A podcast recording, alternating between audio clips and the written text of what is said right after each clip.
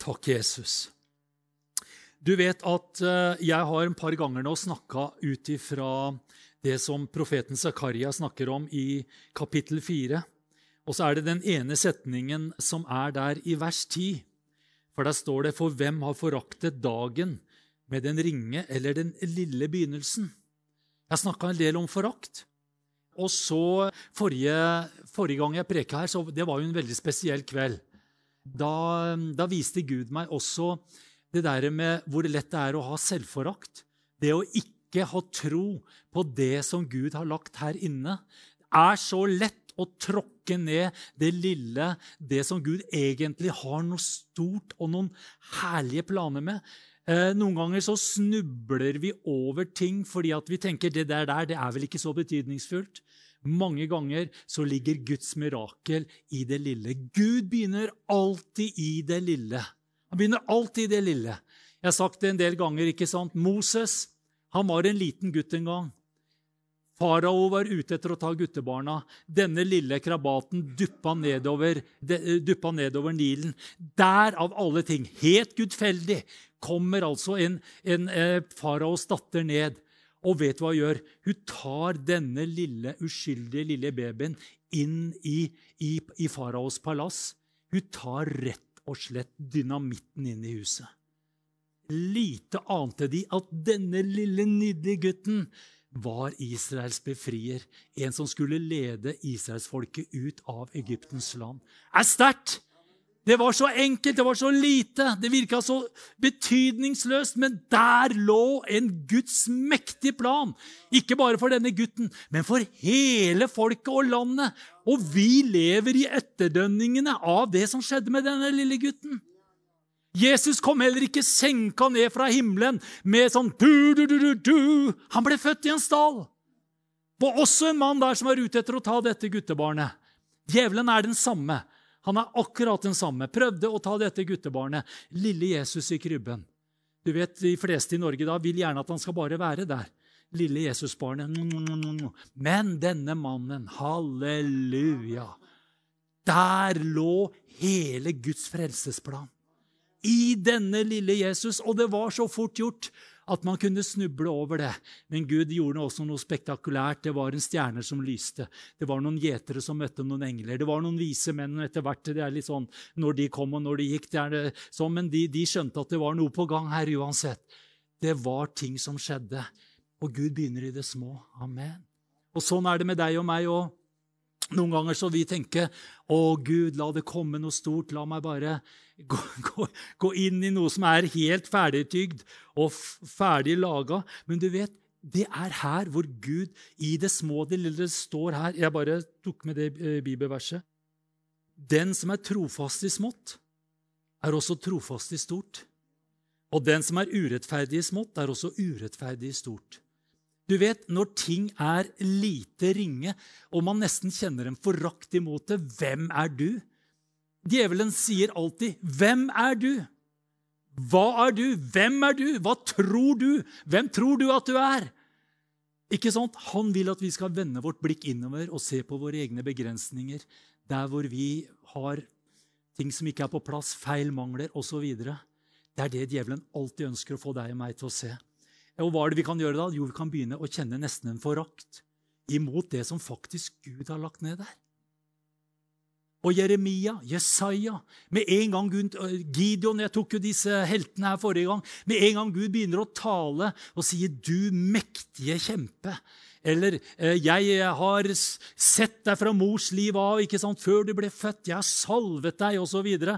Og så kommer de med en gang ja, men eh, jeg er ung, og, og jeg er den minste av stammene. og du vet, Alle kommer med sine unnskyldninger og forklaringer.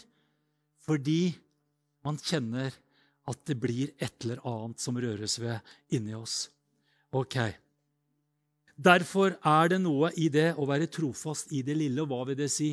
Det er å ta vare på de gullkorna Gud gir oss, og si, 'Gud, er det deg?' Så ydmyker jeg meg, og jeg tar det inn i mitt hjerte. Tenk på denne unge Maria som fikk besøk av engelen. Hva var det hun gjorde? Hun bevarte ting i sitt hjerte. Ikke sant? Hun kunne kasta vrak på det, hun kunne øst det rett ut, men hun bare sa, 'Se meg etter ditt ord'. Amen. Halleluja. Så har jeg lyst til å gå litt videre fra det og så snakke om det og hvor viktig det er å ikke ha forakt. Når jeg snakker om det å ha selvforakt, men det å ikke ha forakt imot andre mennesker. Jeg har bare lyst til å si at uh, når jeg gikk inn, ikke som pastor, men når jeg skulle gå inn og begynne å jobbe i Troens Liv Bibelsenter, så begynte Gud å si noe veldig tydelig og klart til meg som jeg ble så overraska over. Han bare sa til meg, 'Runar', ordspråkene 423, 'bevar ditt hjerte fremfor alt hva du bevarer, for livet utgår eller flyter ut fra det.' Så sa, eh, sa Den hellige ånd så sterkt til meg, Runar, sa han, 'Vokt deg for forakt i ditt hjerte'.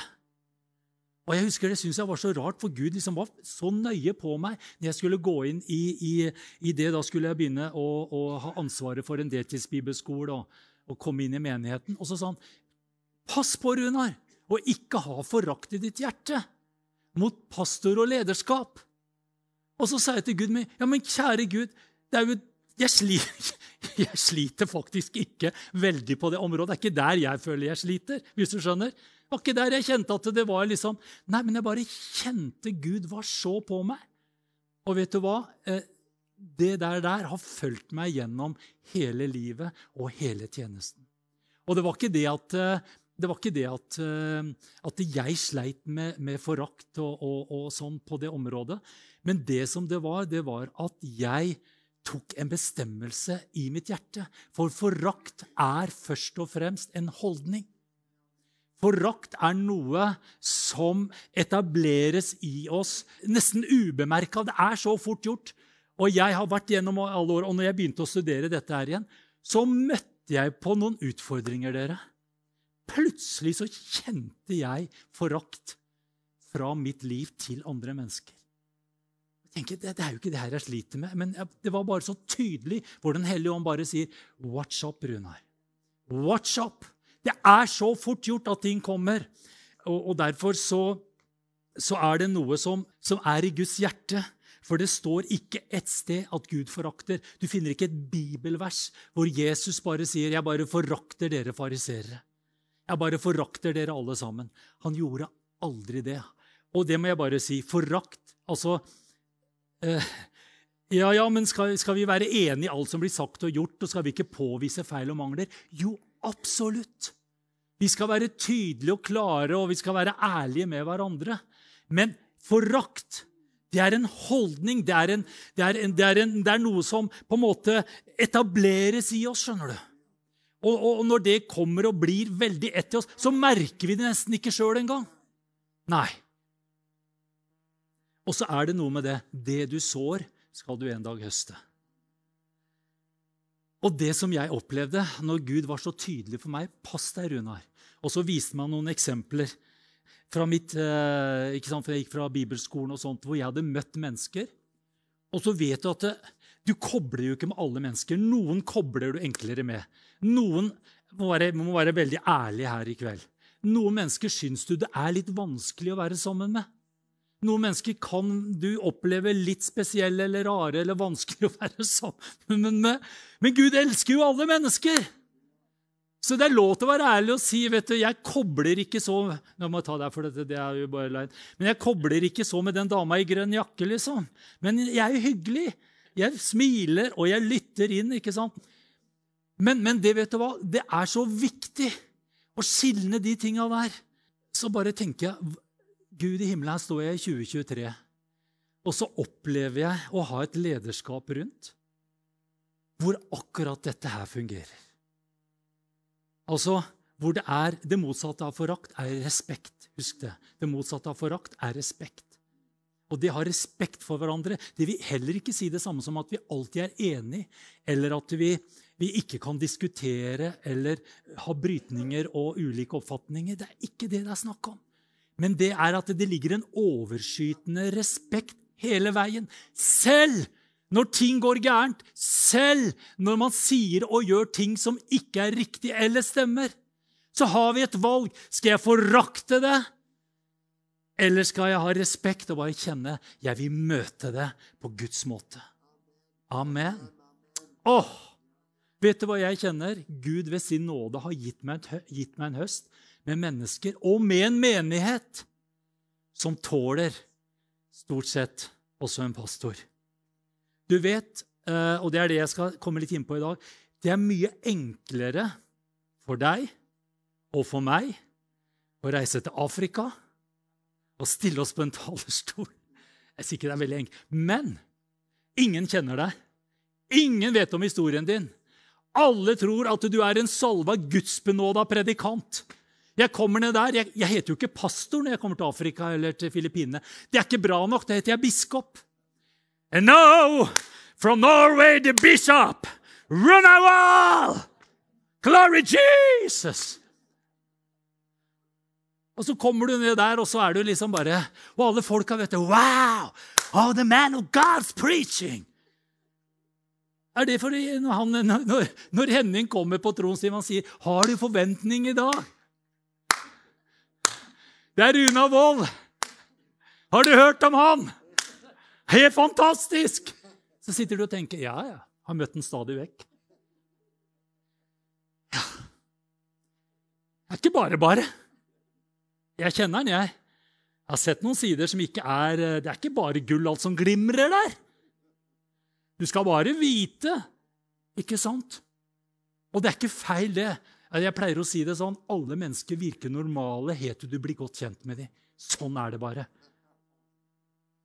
Jo mer og tettere du er på mennesker, så ser du både styrker og svakheter. Ikke sant? Men om det er grunnlaget ditt for å se det mennesket med Guds øyne, så har du allerede stengt noen porter. For da har du satt en begrensning, og det er derfor det er egentlig veldig bra å si har du forventning til Jesus i dag, ikke til predikanten. Å, herre Rune, ja, ja. Ja, ja, jeg har hørt den 252 ganger. Ja, en fin mann. Stå på, det skal han ha. Gir seg ikke, han. Gud velsigne han, liksom. Og så sier jeg 'Dennis Greenwich will come here next Sunday'. Men vet du hva? Gud har bedt oss om å gjøre én ting. Det er å se på hverandre med Guds øyne. Og hva er det vi ser da? Da ser vi noe helt annet. Og da, da, da, blir disse menneskelige begrensningene og disse tinga som er feil og mangler, vi bare tenker borte. Jeg regner med Gud. Amen. Og hvis du begynner å regne med Gud i en, en, en, eh, si, en enkel pastor på Lyngbakken og begynner å tenke vet du hva, jeg skal bare tro at Guds mirakelkraft kan gå igjennom denne enkle emissæren der oppe på troens liv på Lyngbakken. Jeg skal be om at Guds kraft skal forløses. Amen. Istedenfor å tenke ja, ja, ja. Han preker på sin særegne måte. Det er jo gjenkjennbart. Jeg har jo hørt det mange ganger før. Og så skjønner du, også istedenfor det at du begynner å resonnere og se bare det menneskelige. Det er som jeg sier, Tommy, enklere å gå og evangelisere i Oslo enn å gjøre det i Skien, er ikke det? Ja. Be honest. Men skjønner du, det nære Det er ingen plass hvor forakt kan forløses sterkere enn der det er nært. Du vet, jeg fikk en, eh, jeg fikk en, eh, fikk en eh, såkalt utrolig mektig godt råd av en sterk gudsmann. Han sa til meg i begynnelsen jeg gikk inn som pastor Runar Wold, du må passe på å holde en god avstand til menigheten, sånn at de ikke får innblikk i dine svakheter og dine feil og dine mangler, for da vil de ikke kunne klare å ta imot deg når du stiller deg fram på plattformen. Og I den situasjonen der så syns jeg det høres helt nydelig ut, for det var ganske kaotisk. Jeg bare tenkte ja, det er Gud. Og så sa han, og spesielt ungdommen må du være obs på. Er det noen som kan avsløre dine svakheter, så er det ungdommen. De må du holde på to armlengdes avstand. Pass på å få en ungdomspastor. Det var det, Og jeg bare tenkte takk Gud for de gode råd jeg får. Helt til det bare kom samme uka, så var det bare en som dunka meg på ryggen og sa Runar, skal lukte får av hyrden, vet du. Én setning ødela alt det her fine. trygge festningsverket som jeg hadde bygd med. Jeg bare kjente, å, det var godt, det var Gud, å, så deilig. Ikke sant? Men vet du hva? det er en del av livet. Og jo fortere du kan akseptere å si det er feil og mangler med Runar og han du skal vite, og det er sånn, og det er med lederskap, og han er Henning, han er jo ikke helt god. Og, nei, nei, bare tulla. Du er helt god. Vet du hva du gjør? Du frarøver deg Guds velsignelse. Det er akkurat det som skjer. Jeg sier ikke at du skal akseptere å svelge unna enhver kamel og ting som ikke er bra. det er ikke det jeg sier. Men fest ditt blikk på Jesus. Forvent noe overnaturlig som er langt utover en predikant eller en evangelist. Hva som helst. Det er så fort gjort å si hvis jeg sier Benny Hinn kommer svevende inn her med helikopter i kveld. Han blir firt gjennom luka der oppe, han kommer ned her, og han kommer til å si touch. Du kommer til å bare si Gud i himmelen. Og jeg sier ikke det at enkelte predikanter og, og pastor og alt mulig bærer en helt ekstraordinær salvelse i sine liv. Det skal vi ha så respekt for. Det er ikke det jeg sier. Men vet du hva? Eh, når vi hadde forbønn her, og jeg hadde problem med skuldra, jeg hadde problem med armen, selvforskyldt selvfølgelig Ikke selvfølgelig, men så sto Mona og Toril der framme. Og så bare kjente jeg Den hellige ånd utført, øh, øh, han utfordra meg. Og så sa han, 'Hva ser du der framme?' Der står Mona og Toril. Ser du noe mer? Ja, de er så fine. De står og ber for folk til hebredelse. Ja, hva tenker du om det? Har du noe behov for hebredelse i dag, Rune? Ja. Ser du noe mer? Jeg ser to Guds kvinner som stiller seg dispos disponibel for Den hellige ånd, sånn at Guds kraft kan flyte gjennom dem. Og vet du hva? Så fikk jeg en sånn genuin tro på. Jeg bare vet at når de to damene legger hendene på meg nå, oh, nå grøsser jeg bare jeg sier det, så blir jeg frisk. Og hva var det Gud gjorde for noe der? Han bare tok vekk noen skylapper. For vi kan bli så hjemmeblinde! Å, du vet at du tenker bare Svein Magne Pedersen får et eller annet. En bønneklut. Det er ikke noe feil med det, men bare vi reiser dit han er, bare han kan be for oss.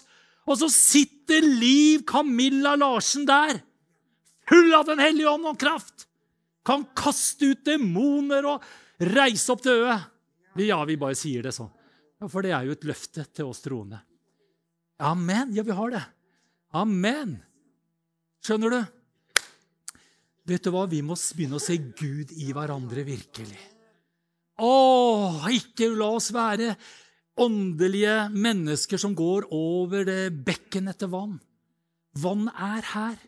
Og Jeg tok en tidlig bestemmelse som pastor. Jeg skal aldri drømme, fantasere og tenke om, tenk om den kunne vært i menigheten. Tenk om den kunne kommet til menigheten. Tenk om den hadde vært i menigheten!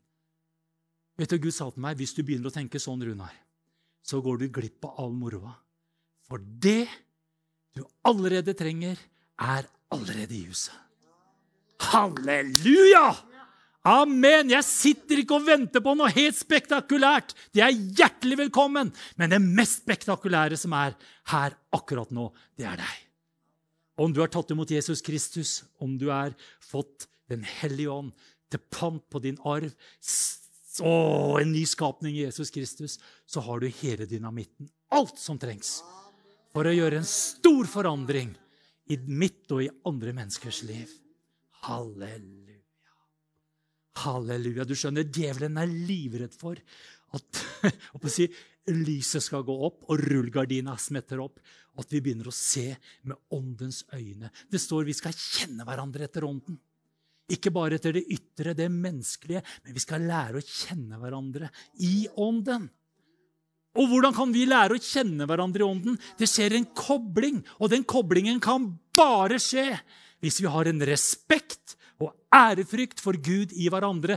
Tross feil, tross mangler, tross at ikke ting er på plass. Men vi bare ser Gud! Der ser jeg noe av deg. Å, Henning har noe jeg trenger inn i mitt liv. Å, Henning, jeg bare elsker det. Jeg har så respekt for det. Jeg kjenner en hellighet av det Gud har lagt på livet. Å, halleluja. I need it. Jeg har sagt det noen ganger. Vi skulle vært mye mer nysgjerrige og gå på åndelig skattejakt inn i hverandres liv. Jeg skal si det er gull på gull på gullkorn. Det er så mye bra som fins her i denne forsamlingen bare i kveld. Helt fantastisk! Og jeg har jo noe av det privilegiet. Jeg får jo høre og se litt mer enn kanskje de gjengse. Og jeg har så respekt for det. Jeg bare kjenner Hver gang jeg bare kjenner respekt, respekt. Jeg tenkte på det, Jarl. Vi hadde jo en sånn veldig åpen prat her. Og jeg syns det er bare så flott. Da var vi liksom Hva, hva menes med det? Vi hadde en sånn Det var ikke en utblåsning, men det var en oppklaring. Ikke sant? Veldig direkte tale. Sånn, hva med det? Hvordan sånn? Pang. Og så bare fikk vi plassert ting rundt. Og vet du hva? Det var ikke en holdning av verken forakt eller frykt eller sinne eller noen ting. Vet du hva? Alt sammen bygde på en gjensidig, dyp respekt for hverandre. Amen. Du skjønner, Når vi har denne plattformen av respekt, vet du hva det er? der er det også en plattform av trygghet hvor vi kan være ærlige og sanne med hverandre. Amen. Åh! Thank you, Jesus. Og jeg setter så pris på det. Jarl som har vært med fra også tidenes morgen og stått Det er ingen utenom nærmeste familie som kjenner meg så godt og sett mine forkvaklede, kjøttslige, dårlige sider. Altså, Han kunne sagt ting jeg sier ikke det er noe helt grusomme greier, men det er liksom sånn bare, Å, kjære Gud. Liksom, ja, skjønner du? Men du vet, en, kjærligheten skjuler en mangfold av synd. Sånn funker det der. Og hvorfor skjules det? For han vet at vi sammen Han kan gå inn og tale inn i mitt liv, og vice versa. Han vet at den respekten og den veien der har vi. Amen. Og det høster vi goder av nå. Og, og, og Jarl vet at hvis jeg Altså, Det er veldig sjelden at ikke vi vet hvor vi har hverandre. Og er vi usikre, så sier jeg du, nå vet jeg ikke helt hva du mener, Runar. Nå vet ikke jeg helt, Hva mente du med det, Jarl? Da fins en åpen vei. Vi tåler det! Vi må tåle hverandre, dere! Glory Jesus! Skal vi stå sammen i vekkelse? Det er blod, gørr, svette og tårer og snørr og alt som er. Vi må tåle hverandre på den beste og på den verste dagen, dere. Amen. Det er å være kjærlige sammen i Guds familie. Glory Jesus. Og som sagt, nærmere det er, jo tøffere er det. Derfor syns jeg det er fantastisk å se Spesielt når ektepar kan stå sammen, vært gift i mange år, og så ser du altså det, de, Der er ikke mange hemmeligheter igjen, forhåpentligvis. Og så ser du de har vært i krigen. De har vært, de har vært ja, Det har vært, sikkert vært litt av hvert som livet er. Og så ser du de, de bare står sammen, enten i tjeneste eller de bare er der for familien. Er, altså, skjønner du? Og du bare ser den enheten og den derre Å! Det er bare noe av det vakreste jeg vet. Og du ser at de har en respekt for hverandre. Mm. Du vet, sjalusi er et fantastisk gjødningsmiddel for forakt.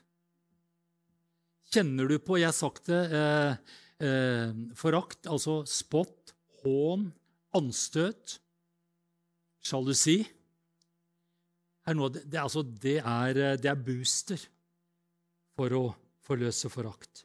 Og så fortalte jeg at I min høstferie så studerte jeg David og Josef sine liv. Helt fantastisk. Så mye paralleller osv. Men de opplevde jo også den enorme sjalusien. Og ut ifra den sjalusien så fikk de forakt imot både David og, og Josef. Og, eh,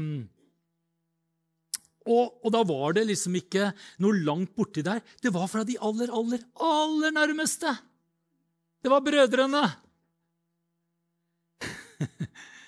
Og Josef forteller om sine drømmer. De, og så kommer han i den fine koppa si vet du, og forteller om kornbånd som bøyer seg, og stjerner og sol, soler og måner som bøyer seg for han, ikke sant? Og de blir så sjalu.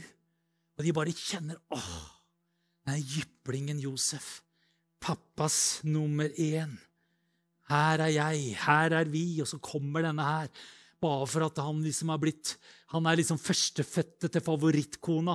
Ja, det er jeg veldig glad at ikke vi behøver å si det i menigheten. da. Ja, jeg er favorittsønnen til favorittkona til Skjønner du? Men han var sønn av Rakel, favorittkona til David. Skjønner du? Førstefødte. Benjamin en god nummer to. Altså, Der kommer det, og de kjenner på den sjalusien. Og de bare spyr ut forakt i forhold til, til, til Josef. Og så kommer vi til David. Jeg har bare lyst til å lese litt der eh, fra, fra første Samuelsboken. Da kommer, eh, da kommer eh, David ned og har med seg deilig mat til de tre av brødrene sine der. Blir sendt av faren Isai, som sier at du må ned og sjekke brødrene dine og se åssen det går.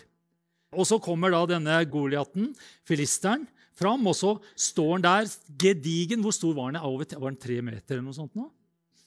Men hør, da. Da står det Filisteren sa i dag Hva står det han gjør for noe? Han håner. Du skjønner, hån, spott, forakt, sjalusi, det å ta anstøt. Det er noen eh, fine enegga firlinger, femlinger. Han håner Israels hær. 'Gi meg en mann', sier Goliat, 'så vi kan kjempe mot hverandre'. Du skjønner, altså Hån og spott vet du hva de gjør for noe? De gir deg en boost. Altså trykke ned alle andre, heve seg sjøl. Bak denne store mannen fins det et lite forkvakla hjerte. Da talte David til de menn som sto sammen med ham, og sa, 'Hva skjer med den mannen som dreper denne filisteren?' og tar vanæren eller skammen bort fra Israel. Du skjønner, Forakt En av måla til forakten er alltid å påføre skam og skyld. Husk det. For hvem er denne uomskårne filisteren at han håner den levende Guds hær? Og da flytter David fokuset ikke bare på hæren, men han blander Gud. Det er Gud som er i bildet her. Han håner Gud. Eh, og så kommer denne storebroren Eliab. Han som Samuel møtte på aller først når han skulle salve en ny konge i Israel etter, eh, etter kong Saul. Og da er det helt naturlig. Da var det å si til Isai, 'Hvor er eldstebroderen hen?' Og så kommer Eliam fram, og han var en veldig flott mann. Og Samuel er bare så klar. Han bare ser 'Wow, it must be God', sa han på hebraisk. Eller noe sånt noe. Han bare tenkte 'Dette er gudsmannen' tok olje og var så klar til å salve Eliab. Og jeg er sikker på Eliab bare tenkte oh, Come on, I'm so ready. Skjønner du? Og så akkurat i det så stopper Gud og sier det er ikke mannen. Du vet, han ble jo ganske ydmyk av Eliab. Og det er jo akkurat Eliab som nå går i rette med David. Og så kommer det her, ikke sant? Da ble Eliabs vrede opptent mot David, og han sa, 'Hvorfor kom du ned hit?' Vi vet svaret. Det var faren som ba han å reise. 'Til hvem har du overlatt de få sauene i ødemarken?' Få sauer? Han hadde fått en gjeter til å ta seg av de. Svar. Han, hadde, han, han kunne ha svart til sånn. Og så kommer det, men så kommer det. For, eh, så kommer det. Jeg kjenner ditt overmot og ondskapen i ditt hjerte, for du har kommet ned for å se på striden. Og når han sier 'jeg kjenner ditt overmot og ondskapen i ditt hjerte', vet du hva ofte det er da? Forakten prosjekterer det du sjøl sliter med i eget liv. Just think about that. Men David sa, 'Hva har jeg gjort nå?' Jeg spurte jo bare.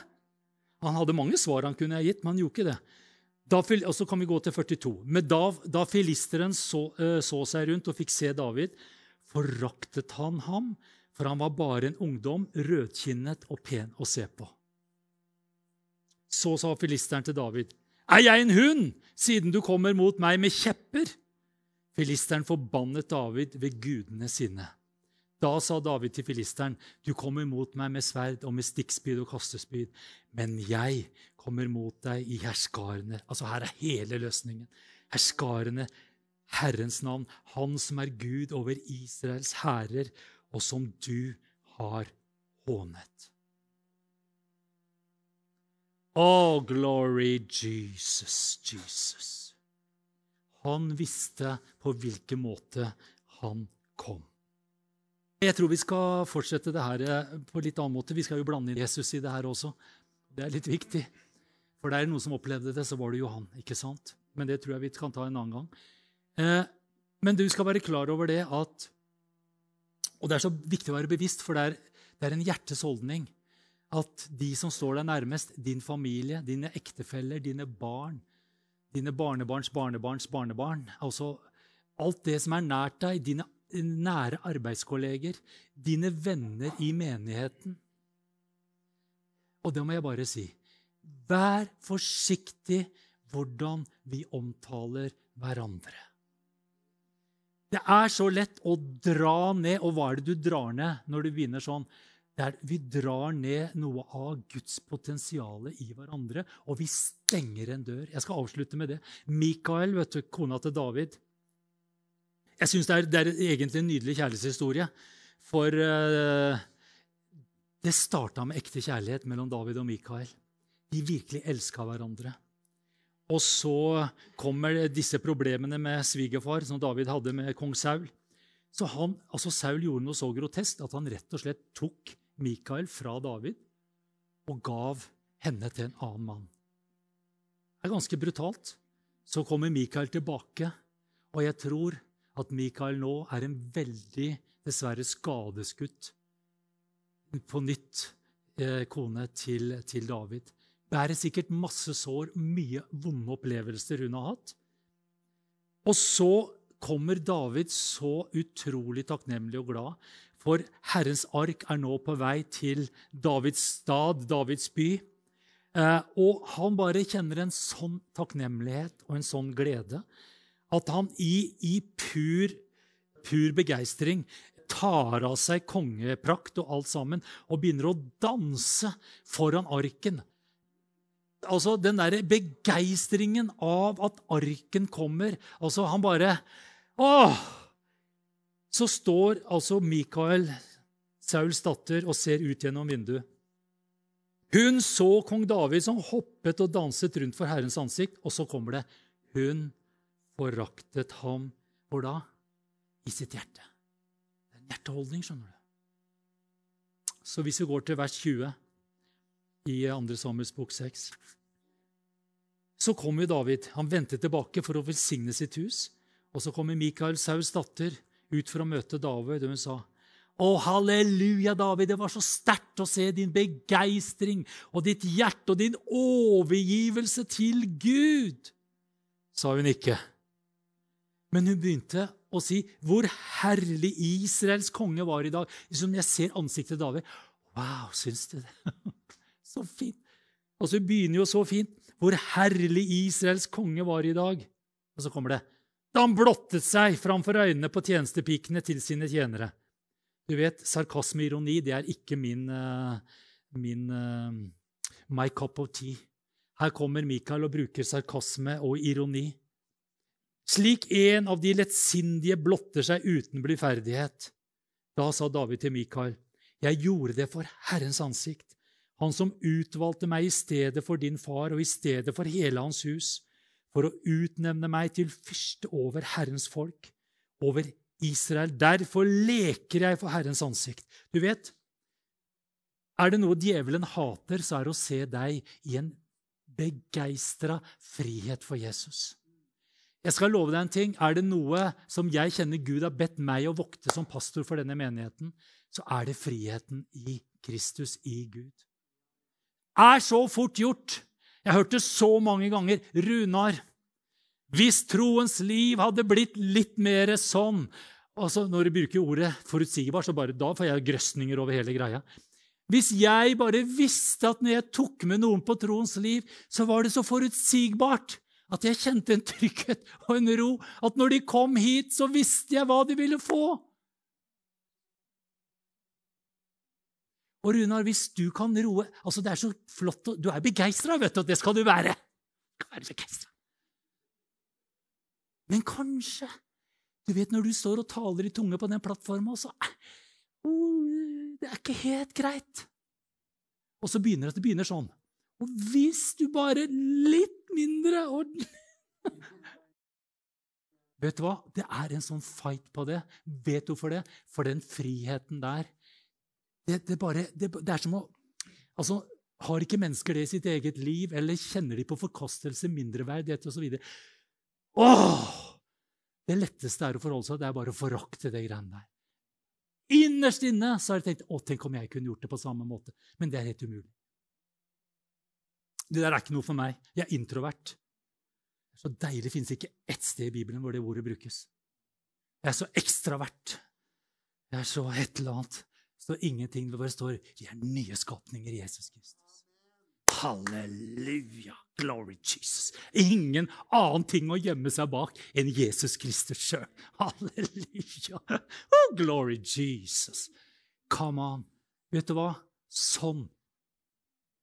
Sånn er det å, å, å kjenne på det, at det fins en forakt imot frihet. Så vers 22. Jeg vil være Og så kommer det. Han bare drar det enda lenger. vet du. Han sier jo ikke det. 'Å, beklager, jeg skulle kanskje beholdt den ene kjortelen på.' Det skal jeg huske til neste gang, Mikael. Nei da, han bare kjører på. Jeg elsker deg. Jeg vil være enda mer uverdig enn dette, sier han. Skjønner du? Jeg vil være liten i mine egne øyne, for det er der det kommer. skjønner du.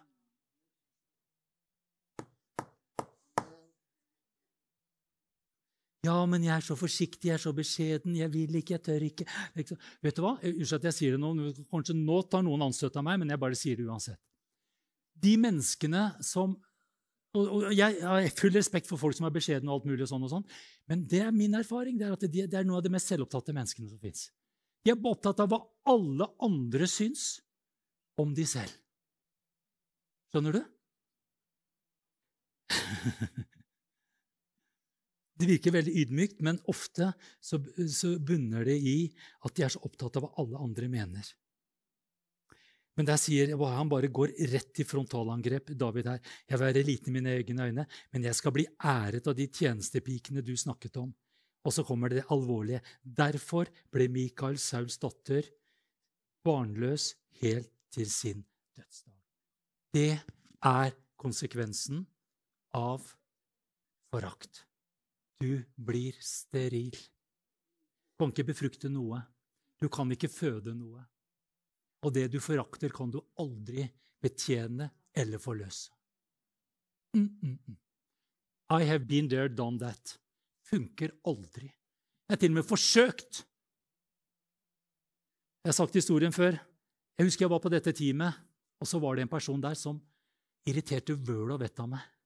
Han sa så mye rart, han sa så mye dumt, han sa så mye feil. Han oppførte seg som en tulling, og det var så mye irriterende med den personen.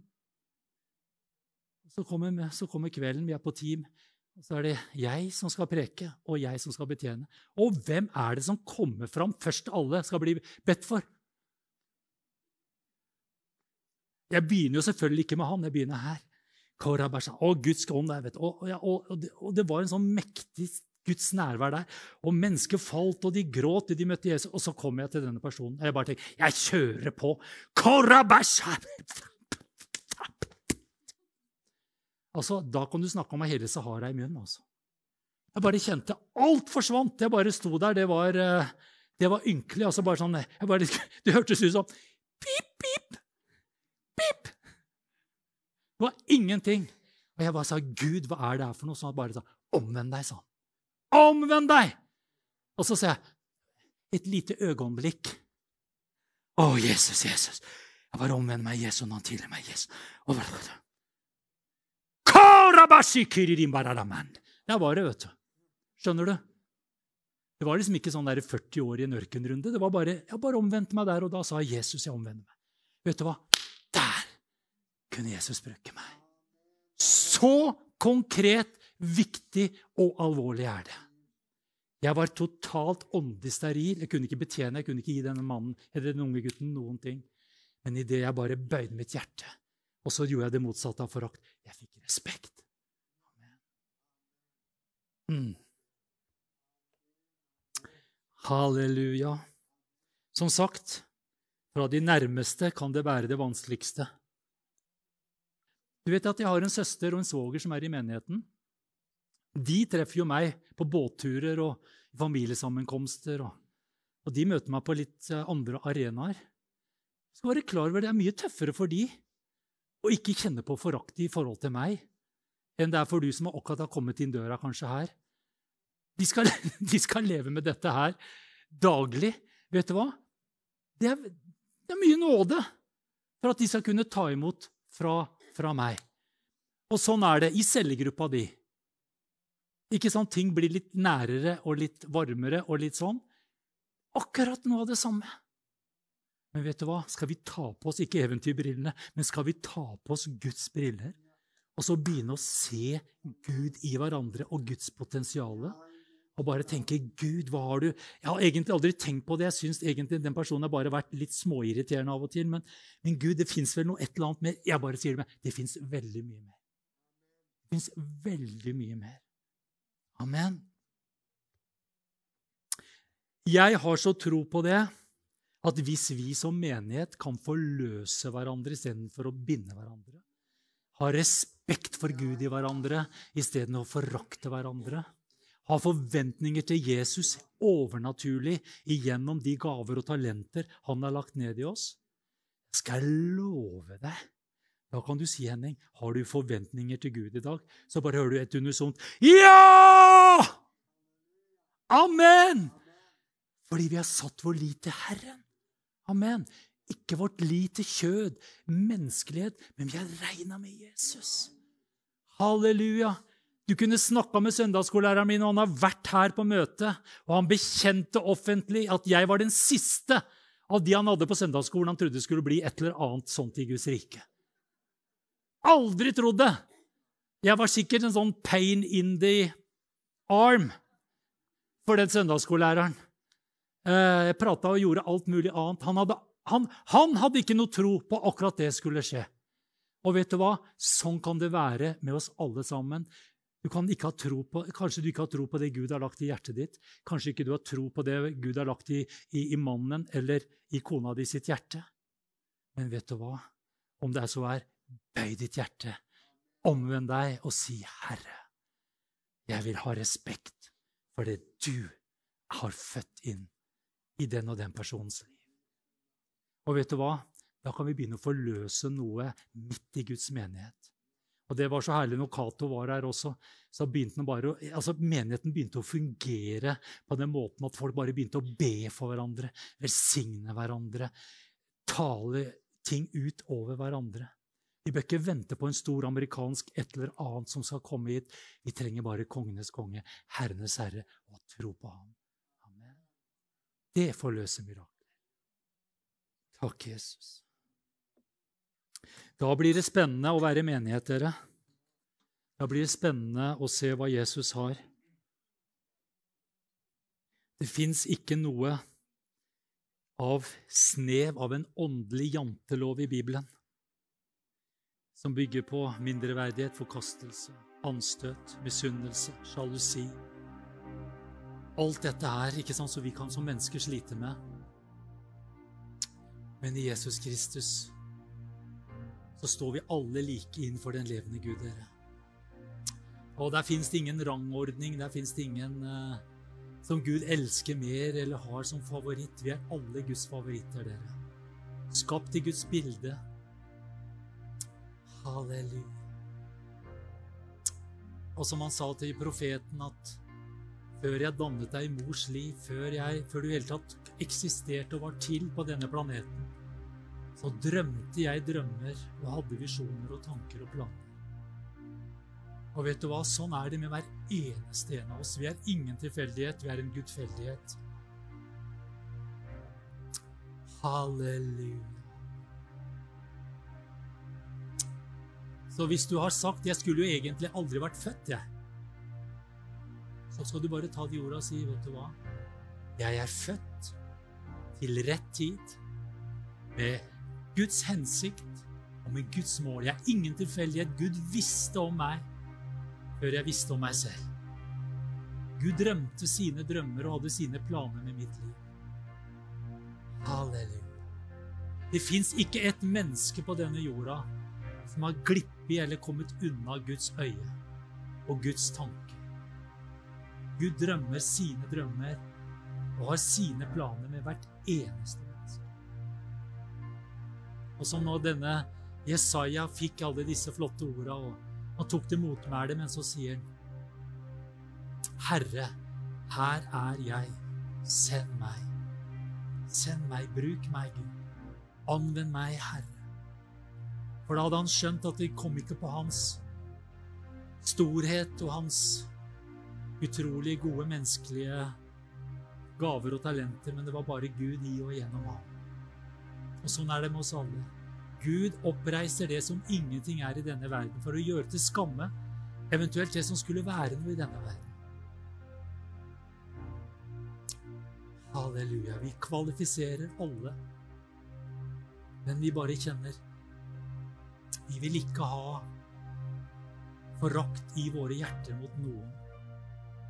Ja, vi kan være uenige, og vi kan ha diskusjoner, og vi kan eh, være tydelige med hverandre. Absolutt. Vi skal tale sannhet i kjærlighet osv. Men forakten, det er bare broknuseren. Det er bare låsen i døra og vranglåsen i døra. Og det er en holdning, det er en hjertesholdning